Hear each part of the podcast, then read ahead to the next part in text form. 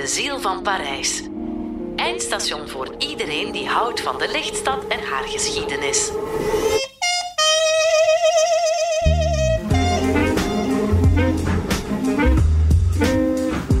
Bonjour, mijn naam is Rick van Puimbroek, journalist bij De Tijd en als reporter een fervent straatloper, omdat ik van dat oude motto hou. De straat is de universiteit van de journalistiek. Daar leer je het. Zo kwam ik de voorbije 30 jaar af en toe in Parijs en ik dacht dat ik de stad wat kende. Tot ik met Dirk Velge, auteur van De Ziel van Parijs, het boek waarop deze podcastreeks geïnspireerd is, door de Franse hoofdstad wandelde. Dirk loopt al meer dan 30 jaar door Parijs en er is de beste man voor. Dat zal u merken als u tien afleveringen lang meewandelt. Hij vertelde het geval van zo'n politicus die een minnares had in Parijs. En die kwam er mee eten bij Brasserie. En ze hadden een vaste plaats en zo. Ze zaten eigenlijk meer achteraan uit redenen van discretie. Plots komt er een, een andere koppel binnen. Een mevrouw met een man, maar met een hondje. Ze zijn nog maar binnen en, en die hond die is niet van plan om bij die vrouw te blijven. Die begint enorm aan die koord te trekken en te trekken en te trekken. En uiteindelijk lost ze. Die hond stormt naar achter, al blaffend. En wie zat daar? Zijn baasje. Stap je alvast mee op de metro? De wereld staat alweer in brand, niet eens zo lang na 1418. Er wordt opnieuw een oorlog in de wereld, in Europa, in Frankrijk en natuurlijk in Parijs. En ook in deze aflevering wordt gevochten, gebombardeerd en gewonnen en verloren. We wandelen door de stad in de sporen van Pierre Bonny en Henri Lafont, van Violette Maurice, beter bekend als de hyena van de Gestapo, en we stappen in een Benz Berline, waar we op de achterbank naast Adolf Hitler zitten. Welkom in aflevering 6. C'est parti.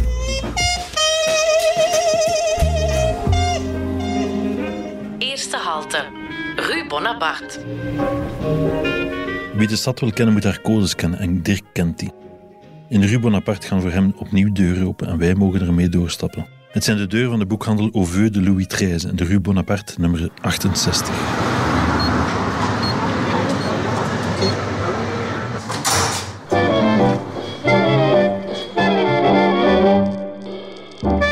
Ici, le 20 juillet 1943 et les jours suivants. Dat zijn de eerste woorden die ik net op de gevel las.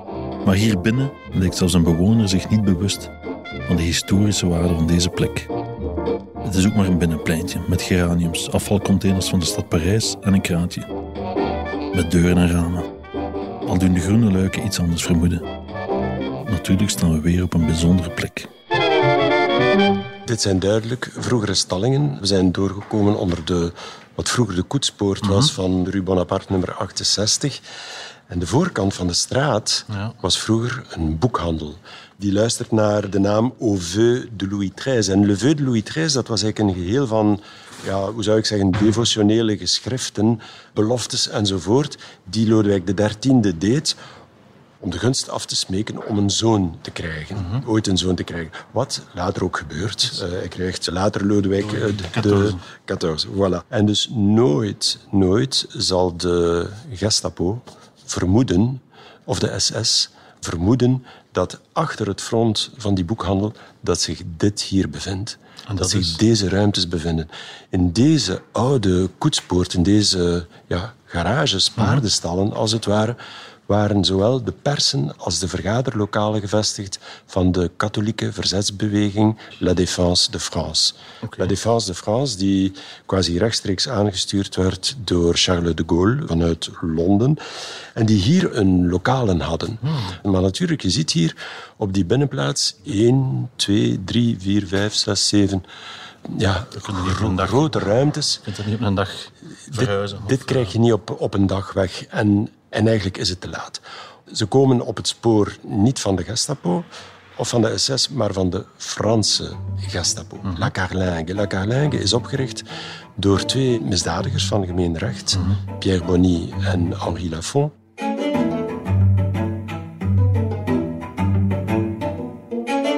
Pierre Bonny is een oud-gediende van de Franse politie. Die is door corruptie, schandalen, geweldpleging. Hij was ook verwikkeld in een groot financieel schandaal tussen de twee wereldoorlogen. L'affaire Stavisky. Is eigenlijk uit de politie gezet. Is ook gevangen genomen, heeft een tijd in de gevangenis gezeten. Maar is bij het uitbreken van de Tweede Wereldoorlog terug vrij en heeft een praktijk als privédetectief. Oké. Opgeleid. Pierre Bonny is een geschoolde politieagent. Dat betekent hij kan omgaan met vuurwapens. Wapens. Ja.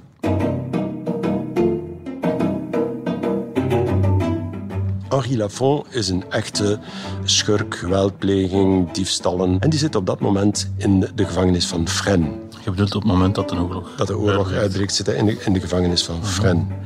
Wie zit daar nog in de gevangenis van Fresnes? Een aantal Duitsers die de Franse regering opgepakt heeft, ze gevangen gezet heeft, omdat zij behoorden tot de vijfde kolonne Ja. in Frankrijk. En het is daar, in de gevangenis van Fresnes, dat Henri Lafont goede vrienden wordt met die Duitsers. Bij het begin van elke aflevering van De Ziel van Parijs vertel ik dat de straat de universiteit van de journalistiek is.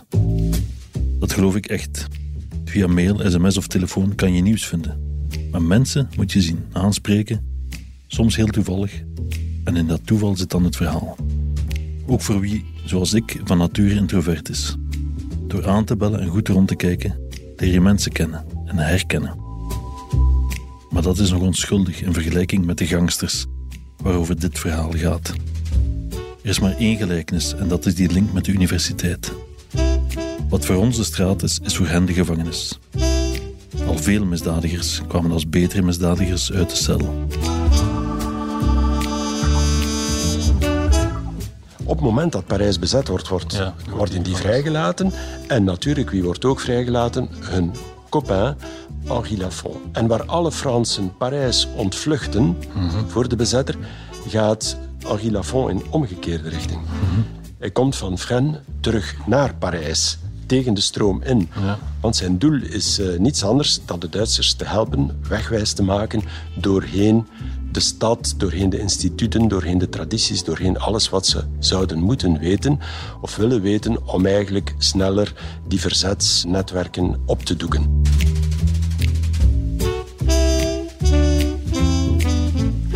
Ze komen dit huis op het spoor en ze gaan hier ook een valstrik uitzetten. Ze komen s'avonds het web spinnen omdat ze weten dat er elke ochtend een drukke toeloop is in de boekhandel. Zo heeft de boekhandel zich trouwens zelf ook verraden. De redacteurs komen s morgens toe met een kopijn, er is vergadering, de teksten worden gezet en tegen s'avonds wordt de krant uitgegeven en verspreid. En op die manier komen Bonnie en Lafont met hun handlangers, vallen ze binnen in Auveux de Louis XIII. En het zijn Bonnie en Lafont die zelf zich posteren aan de comptoir, laten we maar zeggen.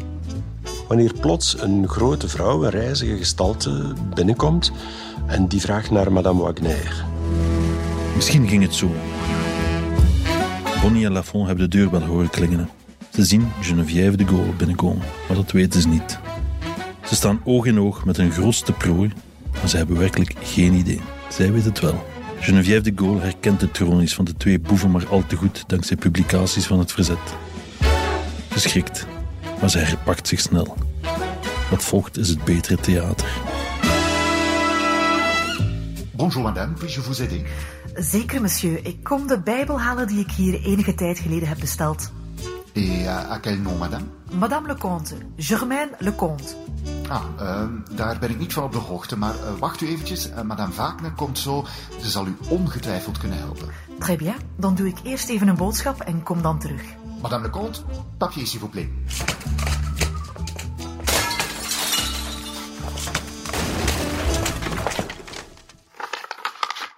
C'est pas vrai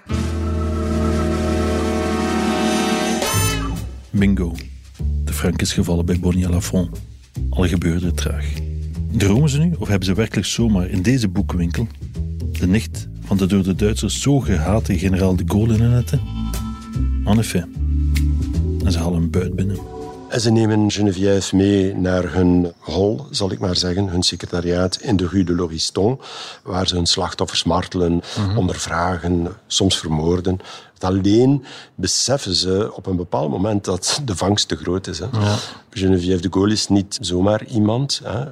En ze dragen haar over aan de echte Gestapo die haar zal laten transporteren naar Ravensbrück, waar ze de bescherming zal genieten om na de oorlog eventueel ja, geruild te worden. Ja, als want, paspunt eh, eigenlijk. Ja, als paspunt eventueel gebruikt te worden. En zij overleeft het. Die Geneviève de Gaulle die overleeft. Maar wat gebeurt er met Bonnie en Lafont? Want die zullen waarschijnlijk... Ja, Bonnie en Lafont hebben op dat moment een geweldige daad gesteld en hebben zich een eigen visitekaartje toegemeten. En zij gaan zeer snel stijgen in de appreciatie van de bezetter. Ze slagen erin inderdaad om nog meerdere netwerken te ontmaskeren. En ze worden daar ook voor beloond. Ze krijgen de verantwoordelijkheid voor de aankopen voor de Weermacht in Parijs. Dus alles wat voedsel, voorzieningen, eh, benzine, materiaal, krijgen ze verantwoordelijkheid voor de, voor de aankopen. Dat- Dat veronderstelt een gigantische organisatie. Er waren ongeveer toch een 300.000 leden van de bezettingsmacht. Dat is een kleine stad op zich. Hè. En die moeten allemaal eten, drinken. En dus de eindverantwoordelijkheid daarvoor ligt bij Bonnie en Lafont. Het brengt hen eigenlijk een fortuin op. Want als misdadigers gaan ze zorgen dat ze overal natuurlijk hun commissies en, Ze en, enzovoort. gewoon heel rijk. ze worden schatrijk. Op een bepaald moment groeit hun macht nog meer, want op een bepaald moment worden ze aangesteld ook als hoofd van het Devisenschutzkommando. Die moeten eigenlijk de geldstromen die nog niet in kaart gebracht zijn, de geldstromen die dreigen Frankrijk te verlaten, van voornamelijk Joodse families, die het geld nog willen wegkrijgen, meestal was dat richting Zwitserland, die moeten zij blootleggen en daarop krijgen zij een commissie van 20%. En dat is het moment waarop Bonnie en Lafont overgaan van een soort straat, gangsterisme, bandieten, waar ze echt overgaan naar grote economische collaborateurs, echt grote misdadigers. Op een bepaald moment zal Henri Lafont ook een brigade oprichten, en zo La Brigade Nord-Africaine. Dus eigenlijk met iedereen die de nazi's wil steunen, uit die regio wordt gerecruiteerd, wordt ondergebracht in een speciale brigade. En daarmee zullen ze massamoorden verrichten in verschillende dorpen in Frankrijk, zoals in Mussidan, zoals in eh, Brantôme. Het is niet zo erg zoals in, ehm, Oradour-sur-Glane. in Oradour-sur-Glane, maar ja, er is wel eh, Op grote schaal gemoord. Op grote schaal gemoord. We rijden even buiten Parijs, figuurlijk dan. En we maken een rit van een dikke vier uur naar Oradour-sur-Glane. Het is een dorpje in het departement Haute-Vienne, niet zo verschrikkelijk ver van Limoges. We maken ook een rit in de tijd, naar 10 juni 1944. Die dag valt een panzerdivisie van de Waffen-SS het kleine dorp binnen en na een verschrikkelijke razzia van enkele uren worden liefst 642 mensen gedood. Mannen, vrouwen, kinderen. Bijna niemand blijft over. Het dorp wordt in de as gelegd en vandaag blijft enkel het karkas van het compleet verwoeste Oradour-sur-Glane de getuige van het vreedste waartoe mens in staat is in tijden van oorlog. Maar we keren terug naar Parijs en naar Bonnie en Lafont. Ook allebei vredemannen. Bonnie en Lafont beschikken ook over een afdoende bescherming. Ze hebben een uitgebreide lijfwacht. En dat laat hen toe om in het centrum van Parijs rond te rijden met een Bentley en, en een Jaguar.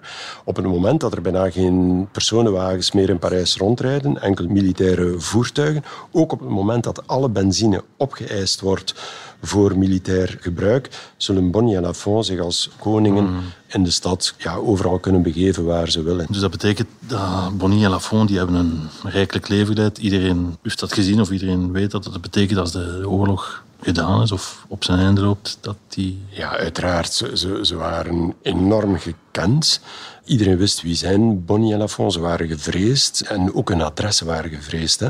Ze hadden hun adres in de rue Lauriston. Als je nu nog altijd, en misschien aan de oudere Parisiens spreekt over de rue Lauriston.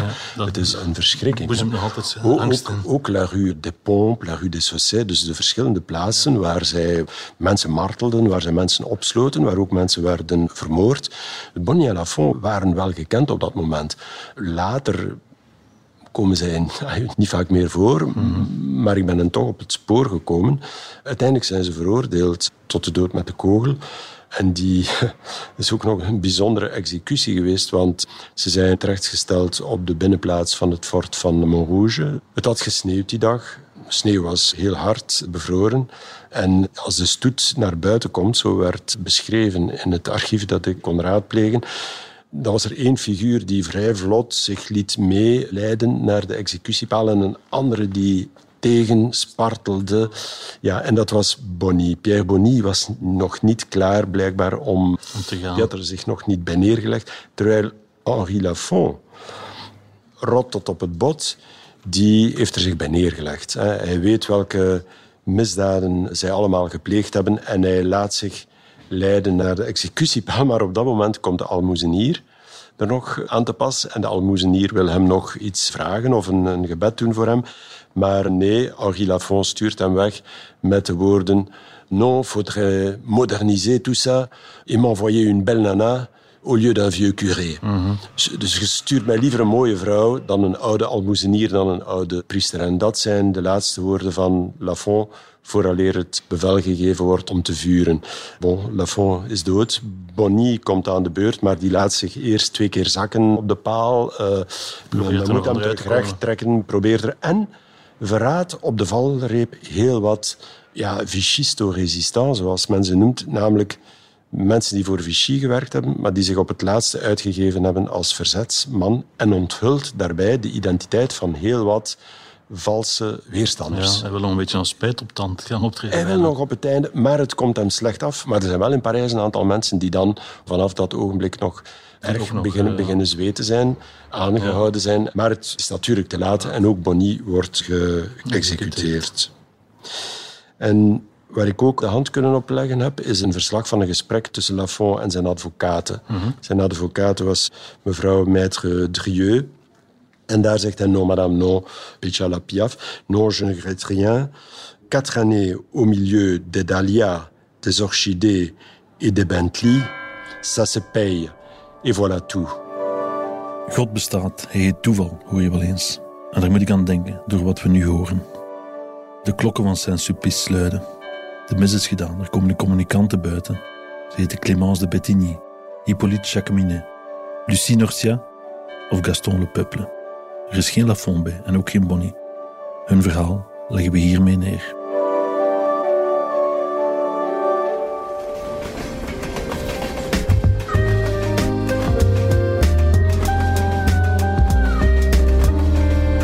Volgende halte.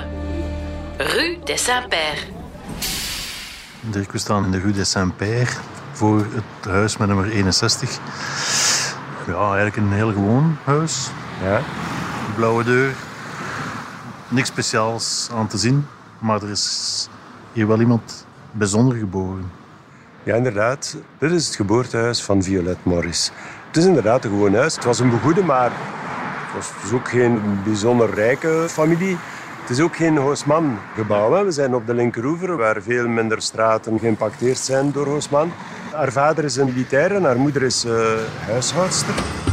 Mensenlief, daar zijn die auto's, de brommers, de klakson en de ratelende kinderwagens weer. We moeten weg, we willen rust. En in een parkje vlakbij het geboortehuis van Violette Maurice is die te vinden. En Dirk vertelt verder, alsof er niets gebeurd is. En dus Violette is de jongste van de twee eh, kinderen, van de twee meisjes. En haar ouders willen haar een heel gedegen opvoeding geven. En ze beslissen van hen te sturen naar een school of all places in België. Ah ja? in Hoei. En de school wordt gerund door Engelse zusters. En een van de facetten van hun opvoeding is dat ze de lichaamscultus, de ontwikkeling van het lichaam en de totale persoonlijkheid van hun leerlingen, dat ze die enorm stimuleren. En dus tot het lessenpakket behoort ook heel veel sport. Lopen, bal spelen, alle sporten. En al heel snel blijkt dat Violet daarin niet alleen heel goed is, maar er eigenlijk in excelleert. Oké. Ze studeert verder. Naarmate ze ouder wordt, gaat ze meer deelnemen aan zwaardere sporten, lange afstand zwemmen. En gaat ze ook deelnemen soms aan sporten die eerder naar jongens gericht zijn. En nog voor de oorlog, in een internationale wedstrijd, voor scholen onderling, verbetert ze een record discuswerpen. En dan stopt het eigenlijk een beetje, want dan breekt de Eerste Wereldoorlog uit. Ze is 21 op het moment dat de Eerste Wereldoorlog uitbreekt. Hoe staat de familie of staat zij erin? Ja, wel, er is nog een eh, aspect. Ze kan met de auto rijden, wat vrij uitzonderlijk is voor die periode. En dat betekent dat ze kan ingeschakeld worden als ambulancierster. Men ziet dat ze dat uitstekend doet en men komt dan met nog een moeilijker vraag, namelijk om als estafette uh, motorrijdster berichten over te brengen van de ene ene naar de andere. En ze aanvaardt die opdracht. Ze houdt daar een eeuwig slechte rug aan over, maar ze aanvaardt het wel en ze brengt het eigenlijk ook tot een goed eind. In die periode is ze ook verloofd met een jongeman die piloot zal worden. Maar na de oorlog blijkt toch dat dat huwelijk ja, niets is voor haar.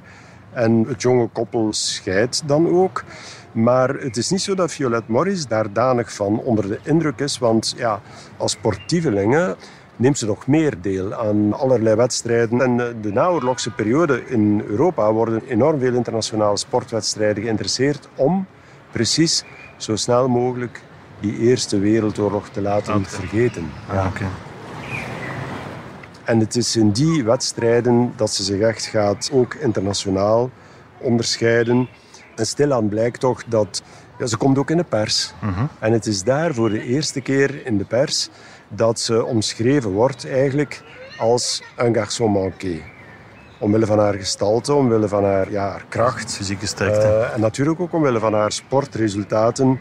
Violette Morris, een garçon manqué. Misschien is gender een woord dat we nog niet zo lang kennen, maar dat mensen worstelen met en in hun lichaam is zeker niet nieuw.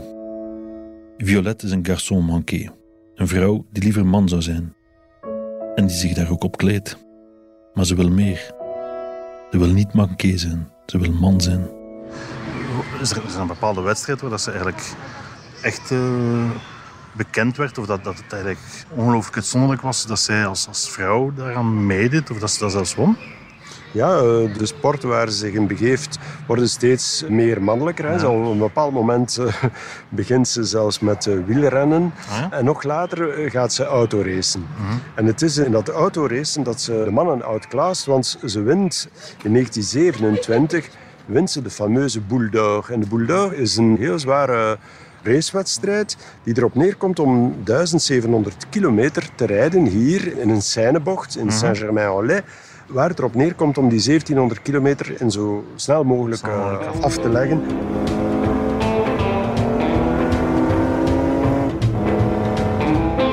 En ze laat daar alle mannelijke deelnemers achter zich. En daar is de pers zeer lovend over haar. Ze wordt besproken als la personne la plus interpide de la France. Hè? Dus de meest onverschrokken sportpersoonlijkheid. Ze treedt toe tot de Fédération Féminine Sportive de France. En dus het is een echte sportpersoonlijkheid. Maar tegelijkertijd komt er nog iets bovendrijven naast dat garçon manqué aspect. En dat is dat, ja, Violette Morris niet langer zinnig is om haar seksuele geaardheid te verstoppen. Ah, okay. En het is de periode dat ze Boule d'Or wint enzovoort, dat ze zich ook begint te kleden als een man. Dat ze haar haar laat knippen Mhm. als een man. Dat ze rookt aan publiek. Ze spreekt als een man, ze gedraagt zich als een man. Ze wil een man zijn. Toen al. Ja. En dat is tot irritatie niet alleen van de pers, maar ook van de vrouwelijke sportfederatie, Ja. waar er steeds meer spanningen zijn. Ze proberen haar in het gelid te doen lopen, maar iemand met de allure en met de persoonlijkheid van Violette Morris Dat zal dat eh, niet doen. En er komt een breuk. Er komt zelfs een proces, dus ze wordt uit de Fédération Féminine Sportive de France eruit gezet. Gewoon omdat ze zich als man kleedt. Of Omdat ze zich als man gedraagt. Ja. Maar pas op, er zijn twee zaken die spelen. De oppervlakkige reden is, ze kleedt zich als man. En inderdaad, ze gedraagt zich als een man. En dat kan eigenlijk niet. Maar er is nog een onderliggende reden en die heeft veel te maken met de maatschappelijke tendens die op dat moment in Frankrijk zich voltrekt. We komen stilaan op het einde van Les Années Folles, die begonnen zijn. We gaan stilaan naar de jaren 30 en wat allemaal kon in Les Années Folles begint plots teruggeschroefd te worden, begin van de jaren 30. De opkomst van de nazi's, terug een conservatieve stroming die komt. En Violette Morris wordt uit de federatie gezet. Dat betekent ook dat ze niet kan deelnemen aan de Olympische Spelen van 1928 in Amsterdam. Wat voor haar eigenlijk een geweldige klap is. En het isoleert haar. Ze raakt erdoor een stuk op zichzelf teruggegooid enzovoort. En dan zet ze nog een volgende stap. Ze blijft autoracen, ze blijft prijzen winnen. Maar ze beslist in 1929 tot een borstamputatie. Ze wil zodanig een man zijn, ze wil zodanig haar lichaam veranderen. Ze voelt zich niet goed in haar vrouwenlichaam. En dat is natuurlijk het moment waar niet alleen de federatie, maar waar ook de publieke opinie en de sportpers haar laat vallen. Want dat wordt bekend. Mensen eh, weten dat, dat ze die borstamputatie gedaan heeft. Absoluut, absoluut. Voordien werd ze omschreven als Jeanne d'Arc de sport, inspirerend voor de jonge mensen. En van de Jeanne d'Arc wordt ze plots tot een de figuur. En het betekent voor haar dat ze de sportwereld moet vaarwel zeggen, waar ze zoveel succes heeft gehad. Er staat in uw boek een, een foto van haar, ik denk uit 1932, die Brassai gemaakt heeft in Le Monocle. Ja, Een foto van een prachtige vrouw met een man ernaast. Maar die prachtige vrouw is niet Violet Morris. Die prachtige vrouw is, een iemand anders. En de man is Violet Morris. het klopt, ja. Ik heb ook moeten twee keer kijken naar die foto. Het is een ongelooflijke foto. Je moet echt lang en aandachtig kijken vooraleer je echt ziet Ja. Ook omdat het gedrag op die foto mannelijk is. Ja, Ze zit werkelijk met haar arm om de vrouw. Ze heeft een sigaret tussen haar vingers. Er staat een champagne-emmer voor. En ze, zij, hij is duidelijk de, de man die, Ja, ja. Die, die de vrouw eh, uitnodigt. En als je dan goed kijkt en je weet dan dat, Je weet, dat dit een vrouw is, Naar de foto van Violet blijf je kijken. Je ziet een mooie vrouw. En daarnaast dus die andere vrouw, die man wilde zijn, Violet. We zitten mee aan tafel in de monocle. Violet draagt een donker pak met das. Heeft een mannenkapsel. Ze raakt met haar linkerhand de elleboog van de vrouw aan haar zijde aan. Er ligt een pakje sigaretten op tafel. Terwijl ik dit zeg, worstel ik zelf. Niet zoals Violet met mijn identiteit, wel met die van haar. Want misschien moet ik wel zijn identiteit zeggen. Dus ik herneem de vorige zin en ik verbeter. Naar de foto van Violet blijf je kijken. Je ziet een mooie vrouw en daarnaast een man die geen vrouw wilde zijn, Violet. We zitten mee aan tafel in de monocle. Violet draagt een donker pak met das. Heeft een mannenkapsel. Hij raakt met zijn linkerhand de elleboog van de vrouw aan zijn zijde aan. Er ligt een pakje sigaretten op tafel. dan zie je het pas. Ja, ja. En dan zijn we al 32. Ondertussen is Violet uit de sportwereld weg. En is ze begonnen met een zaak in auto-accessoires. Maar het wordt geen groot zakelijk succes. Ondertussen treedt ze ook op in een paar clubs. Omdat ze ook probeert aan de bak te komen als zangeres. En eigenlijk voel je, zie je dat ze door die wending om haar uit de sportwereld te zetten, een sportwereld te verlaten, dat ze op de dool geraakt. In Parijs woont ze op een woonboot, La Mouette. Ja, daar worden ook feestjes gehouden en er loopt een van die feestjes uit de hand.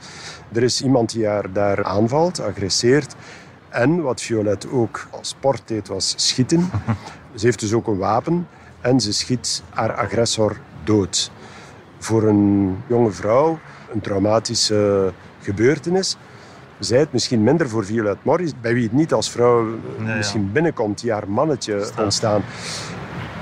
Het komt voor de rechtbank en Violet wordt volledig vrijgesproken, want uiteraard, het was een vorm van wettige zelfverdediging. Maar het komt erbij van een meisje dat gescheiden is, mannelijke sporten beoefent, mannen uitdaagt die ver achter zich laat, die haar borsten laat amputeren. En nu ook nog komt erbij, elle a tué quelqu'un. Het is niet goed voor haar imago. Niet goed voor haar parcours. En dan zijn we aan de vooravond van de Tweede Wereldoorlog. En Violet, uitgestoten uit de maatschappij als ze is, kijkt op naar Duitsland. Want in Duitsland is de cultus van het lichaam belangrijk, hè, in het Ja. nazisme. Je hebt de Olympische Spelen van 36 in Berlijn. Ich verkünde die Spiele von Berlin zur Feier der 11. Olympiade neuer Zeitrechnung als eröffnet. Waar ze wel aan meedeed?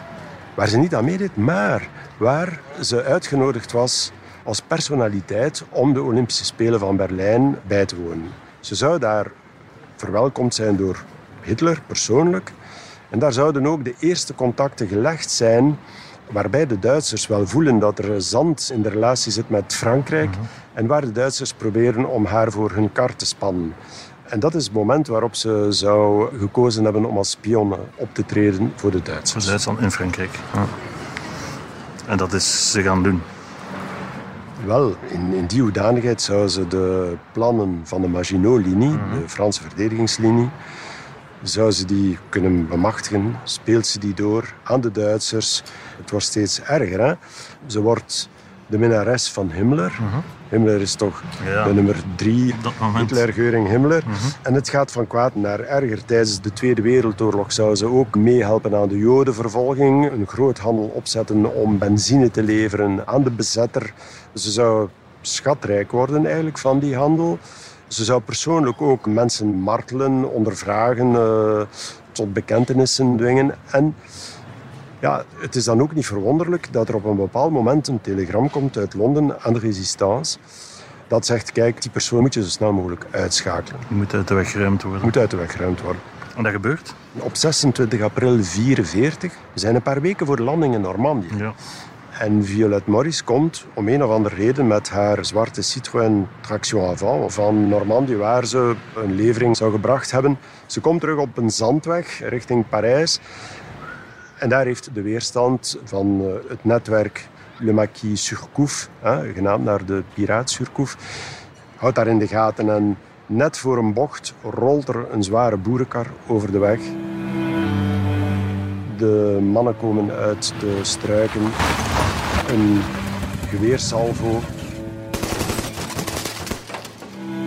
De auto vernielt en ook de inzetten. Maar wat blijkt, dat is dat Violette Morris inderdaad dodelijk getroffen is.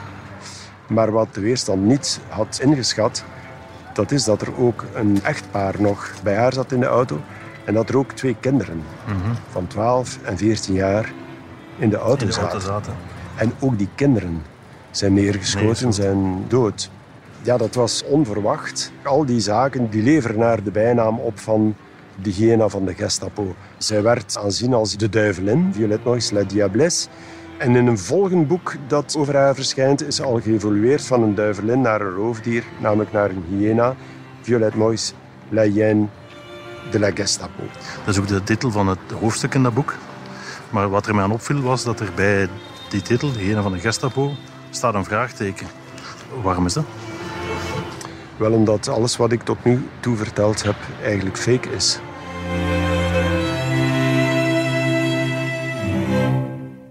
Wat Dirk vertelt noemen de Fransen een coup de théâtre. Maar hier kent de taal haar limieten. Want het is meer. Dit is een bom. Het is stuitend, maar het grote probleem van de resistance was dat er kinderen in die auto zaten. En na de oorlog werd de leider van die cel van Le Marquis Surcouf, Leblanc, een kruidenier uit een stadje in eh, Normandië, werd natuurlijk aan de tand gevoeld over de dood van die kinderen. Want de resistance was veel toegestaan, maar ja, kinderdoden was daar niet bij. En dat moest uitgelegd worden. En dus kon men het alleen maar uitleggen en Leblanc terug, terug vrij krijgen, kon men het alleen maar uitleggen wanneer Violette Morris een dermate monsterlijke figuur zou zijn, dat eigenlijk haar dood, de dood van die twee kinderen ook, Zou verrechtvaardigen. zou verrechtvaardigen. En dus wat blijkt? Op het lijk van Violette Morris wordt er een lijst gevonden met andere leden van de weerstand die ze zou opsporen, die ze zou ondervragen, folteren, vermoorden enzovoort. Het telegram dat uit Londen komt.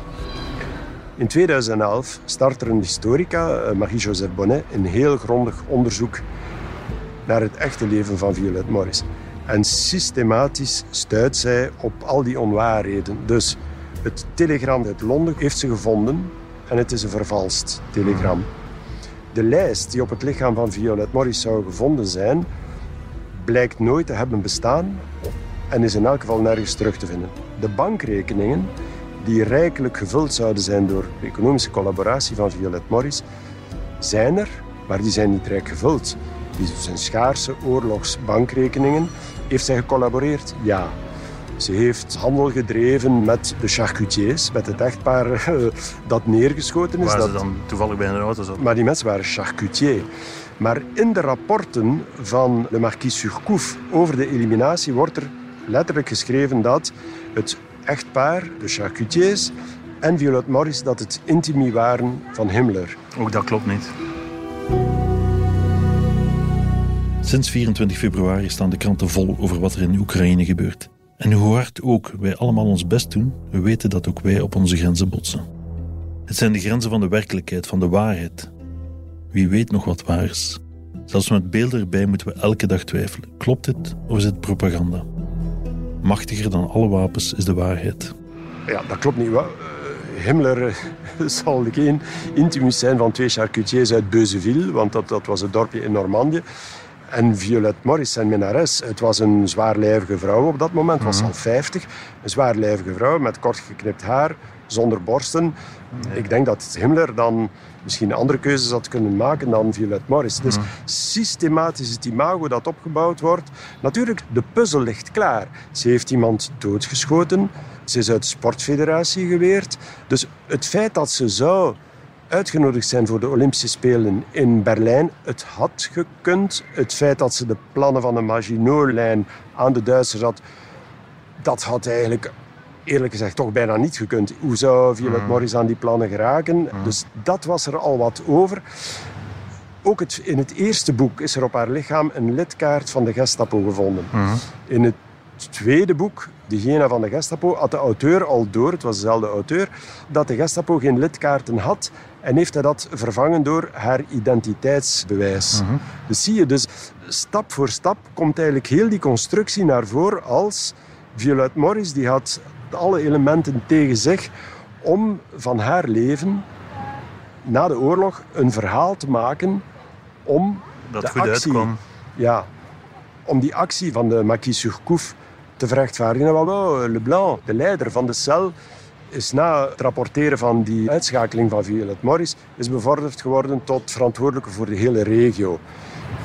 Heeft men het gedaan om een promotie te krijgen? Of was men op de hoogte van de landing in Normandië? Plots is niet alleen de charcutier uit Beuzeville, maar ook twee andere handelaars uit Beuzeville vermoord door dezelfde cel. Om redenen die misschien selfish waren. Promotie, een sterke positie tegenover een ander netwerk. In elk geval heeft Marie-Joseph Bonnet heel duidelijk bewezen dat het hele verhaal fake is. En nu moet je weten dat dit hele verhaal eigenlijk geduurd heeft of opgebouwd is van 45 tot 2011. En dat uh, veel krantenartikels, magazineartikels steeds maar malen over Violette Maurice, la hyène de la Gestapo. Nu, ze had ook geen kinderen om het recht te zetten of om een tegenonderzoek te voeren.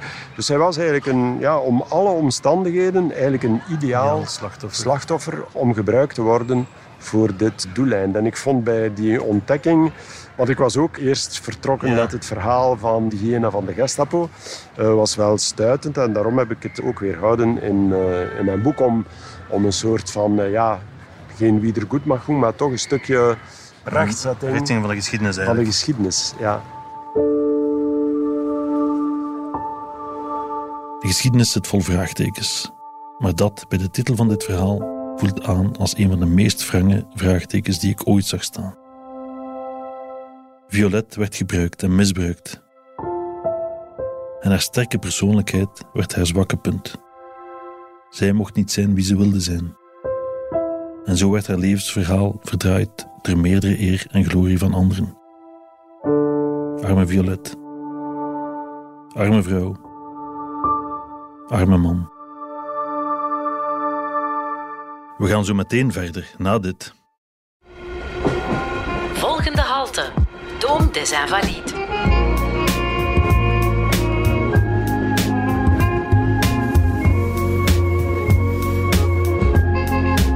Hij heeft geprobeerd uit dit boek te blijven. Hij trippelde zoveel hij kon, langs al die verhalen heen, maar uiteindelijk moet zijn aanvallen. Dan nu, Adolf Hitler. Hij probeerde uit beeld te blijven, niet meer dan een schim of schaduw te zijn. En bijna lukte het de vuurder nog. Maar nu vallen we hem op de nek. We moesten er wel ons best voor doen en een hele dag door Parijs wandelen om hem te vatten. Veel langer zelfs dan hij ooit zelf in de Franse hoofdstad verbleef.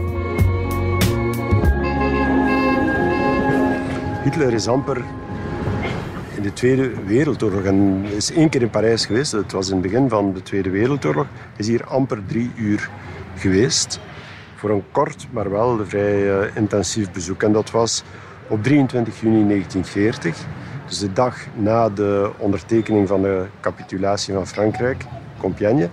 22 juni landt er om vijf uur s morgens op Le Bourget de bruine condor met de hakenkruisen van Hitler.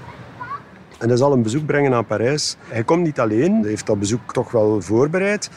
Hij komt samen met Arno Brekers en de beeldhouwer. De beeldhouwer. En hij komt ook met Albert Speer, de architect van het Derde Rijk. Hè. En ze komen inspiratie opdoen naar Parijs en ook eens een nieuwe prooi die ze net Veroverd. veroverd hebben, bekijken.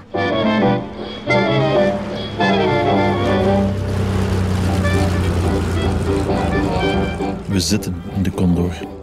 En we vliegen mee met Adolf Hitler, Albert Speer en Arno Breker. Drie mannen van wie de voornaam met A begint, maar we proberen te luisteren naar wat ze zeggen. Adolf snoeft over zijn veroveringen. Albert is benieuwd naar de Eiffeltoren en Arno droomt voor zich uit. Zie hem hier zitten in een vliegtuig naar Frankrijk. Hij, de beeldhouwer, in dezelfde Condor als de grote baas. Na de landing rijden ze de stad binnen. Er is geen minuut te verliezen. Eerste halte is de Opera Garnier. Hitler loopt de trappen op, alle lichten zijn reeds aangestoken en hij vindt het geweldig. Ja? De balzaal, die spiegels, de verlichting. Hij vindt het het mooiste theater van de wereld. En zoiets, Herr Speer, zoiets moeten wij ook hebben in Berlijn.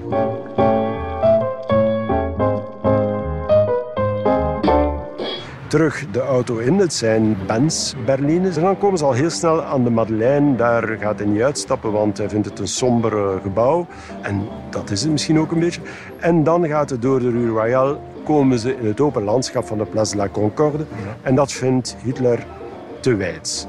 Het is te kaal, te wijd, te groot. Voilà. En op elke plaats waar ze komen, heeft Hitler wel zijn opmerkingen. En uiteindelijk van de Place de la Concorde rijden ze de Seine over richting Eiffeltoren. En daar is er een fotoshoot. Ik tik Hitler in Parijs in op Google en vind eerst beelden van Hitler voor de Eiffeltoren. Hij kijkt er zelf niet naar. Op al die foto's zie je hem met de rug naar het enorme bouwwerk en met zijn gezicht naar de camera. Ook in Dirks boek staat een foto van de dictator voor Les Invalides. Hij heeft een witte mantel aangetrokken en hij wandelt weg van het gebouw. Hij is zich goed bewust van de camera. Alles is pose. En vandaar gaat het naar Le Dôme des Invalides. En daar verlangde Hitler wel naar, want onder de prachtige koepel ligt daar in de kerk van Saint-Louis des Invalides Napoleon. En Hitler komt er binnen in zijn gekende zwarte, lange lederen jas. En het is op dat moment dat Hitler zijn jas verandert voor een grote witte mantel voor het graf van Napoleon. Waarom is dat? Hij heeft een groot respect voor Napoleon. Volgens het verslag van het bezoek mijmert hij Napoleon, comma, iemand als ik.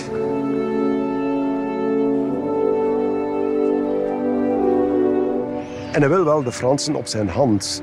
En hij heeft er een ingeving waarmee hij misschien de Fransen heel sterk op de hand gaat krijgen. En die ingeving is niks minder dan de stoffelijke resten van Napoleon zijn ooit van Sint Helena overgebracht naar de Dome des Invalides. En Hitler vat nu het idee op om de stoffelijke resten van Napoleons zoon, L'Aiglon, hè, die op 21-jarige leeftijd gestorven is, die begraven ligt in de Hofkapel in Wenen, om dat stoffelijk overschot terug te schenken aan de Fransen en met grote bombarie te te- laten te terugkeren naar Parijs en bij te zetten De- Les bij- Invalides. Bij, ja, bij zijn vader in Les Invalides. Zou dat een inval van het moment zijn? Dat is bijna niet te geloven. Wie bedenkt het? Je hebt Frankrijk overmeesterd en je wil opgelegd. En dan stel je voor het land een stoffelijk overschot terug te geven. Als een cadeau. Of is het de ultieme vernedering? We zeiden het al, alles is pose. Dat idee ontstaat daar. Ja, hij komt eigenlijk buiten en daar gaat hij het bevel geven eigenlijk om dat scenario te onderzoeken en dat op te starten. Hij ziet natuurlijk zichzelf al aanwezig op de plechtige bijzetting. Hij ziet daar ook de collaboratieregering die men in Frankrijk installeert. Hij ziet daar Le Maréchal Pétain. Hij ziet daar vooral zijn grote supporter Premier Laval. Een groots opzet en vooral hij ziet zich over de Champs-Élysées. En hij kan er alleen maar van dromen dat ook alle Fransen de arm strekken, net zoals in de andere landen, Heil Hitler. Het gebeurt niet. Hitler wil dat de zoon van Napoleon bij zijn vader begraven wordt, maar zijn pompeuze plan dat hij daarbij voor ogen heeft mislukt. Ongetwijfeld tot zijn eigen grote woede. We kennen de beelden van de schreeuwende Führer. Dat was 40 toen dat Hitler die drie uur, je noemt het een citytrip, heeft hij eigenlijk naar Parijs gemaakt. Ja. Is nadien nooit meer teruggegaan. Hoe keek hij dan naar Parijs tegen het einde van de oorlog? Tegen het einde van de oorlog was de lievelingsstad die als voorbeeld moest dienen voor sommige gebouwen in Berlijn. Die wou je laten platbranden. Hè? Net zoals ja, andere steden die bij het terugtrekken van de Duitsers in de as werden gelegd. De strategie van de verbrande aarde. Hij had aan generaal von Scholtitz, die toen kantoor hield in het hotel Meurice. Hij had het bevel gekregen om Parijs in de as te leggen. Wat Von Scholtitz eigenlijk niet gedaan heeft. We mogen hem dankbaar zijn. Enfin, dankbaar is misschien te genuanceerd. Het is zo dat Von Scholtitz na de landing in Normandië wist... elke intelligente, hoger geplaatste militair dat het uit was. En Von Scholtitz heeft eigenlijk zo lang de situatie gerokken tot wanneer Leclerc met zijn deuxième division blindé in Parijs stond om bij wijze van spreken de sleutels aan te, te, kunnen overhandigen en de capitulatie te ondertekenen. Zodanig dat hij die opdracht niet moest uitvoeren. Want hij wist heel goed, zou hij Parijs in de as hebben gelegd, dan was er voor hem geen genade. Ja. Nu is Von Scholtitz niet op het proces van Nuremberg moeten verschijnen. Hij heeft zelfs zijn eigen biografie kunnen schrijven, want hij is de man die Parijs heeft gespaard. Dus moeten we misschien toch een beetje dankbaar zijn. Voilà. Dank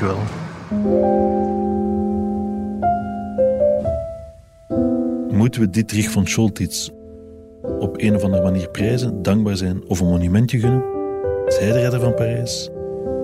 Misschien is een vraagteken, net als bij de hyena van de Gestapo, een goede manier om dit verhaal af te sluiten.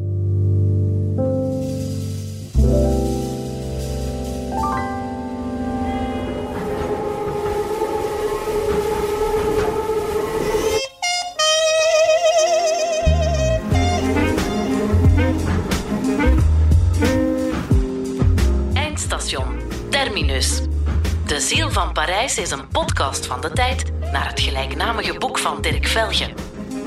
Journalist Rick van Puinbroek was uw metgezel op deze trip. Montage en productie door Stef Leenaerts en Jordan Hudson. De klank lag in de magische handen van Damien Timmerman. Karel Dirk schreef de scenario's en regisseerde de opzet. Speciale dank aan Anke de Veerman, Anne-Sophie Moerman, Sandrine Timmerman en uitgeverij Hannibal. Ben je benieuwd naar nog meer Parijse verhalen? Luister dan snel naar de volgende aflevering en abonneer je op ons kanaal. Ook een review mag altijd. Je ziet dus overal in de stad, en daar zijn foto's van, waarbij je mensen borden ziet veranderen. Hè. Van gewoon boucherie zie je plots boucherie canine et féline. Dus uh, echte honden- en kattenbeenhouwers. De bordjes verschijnen in de uitstalramen. Terre-Neuve, Basset, Bulldog, zoveel frank, zoveel frank, zoveel frank. Ik vergat nog te zeggen dat men ook ratten op had. Merci beaucoup et à bientôt.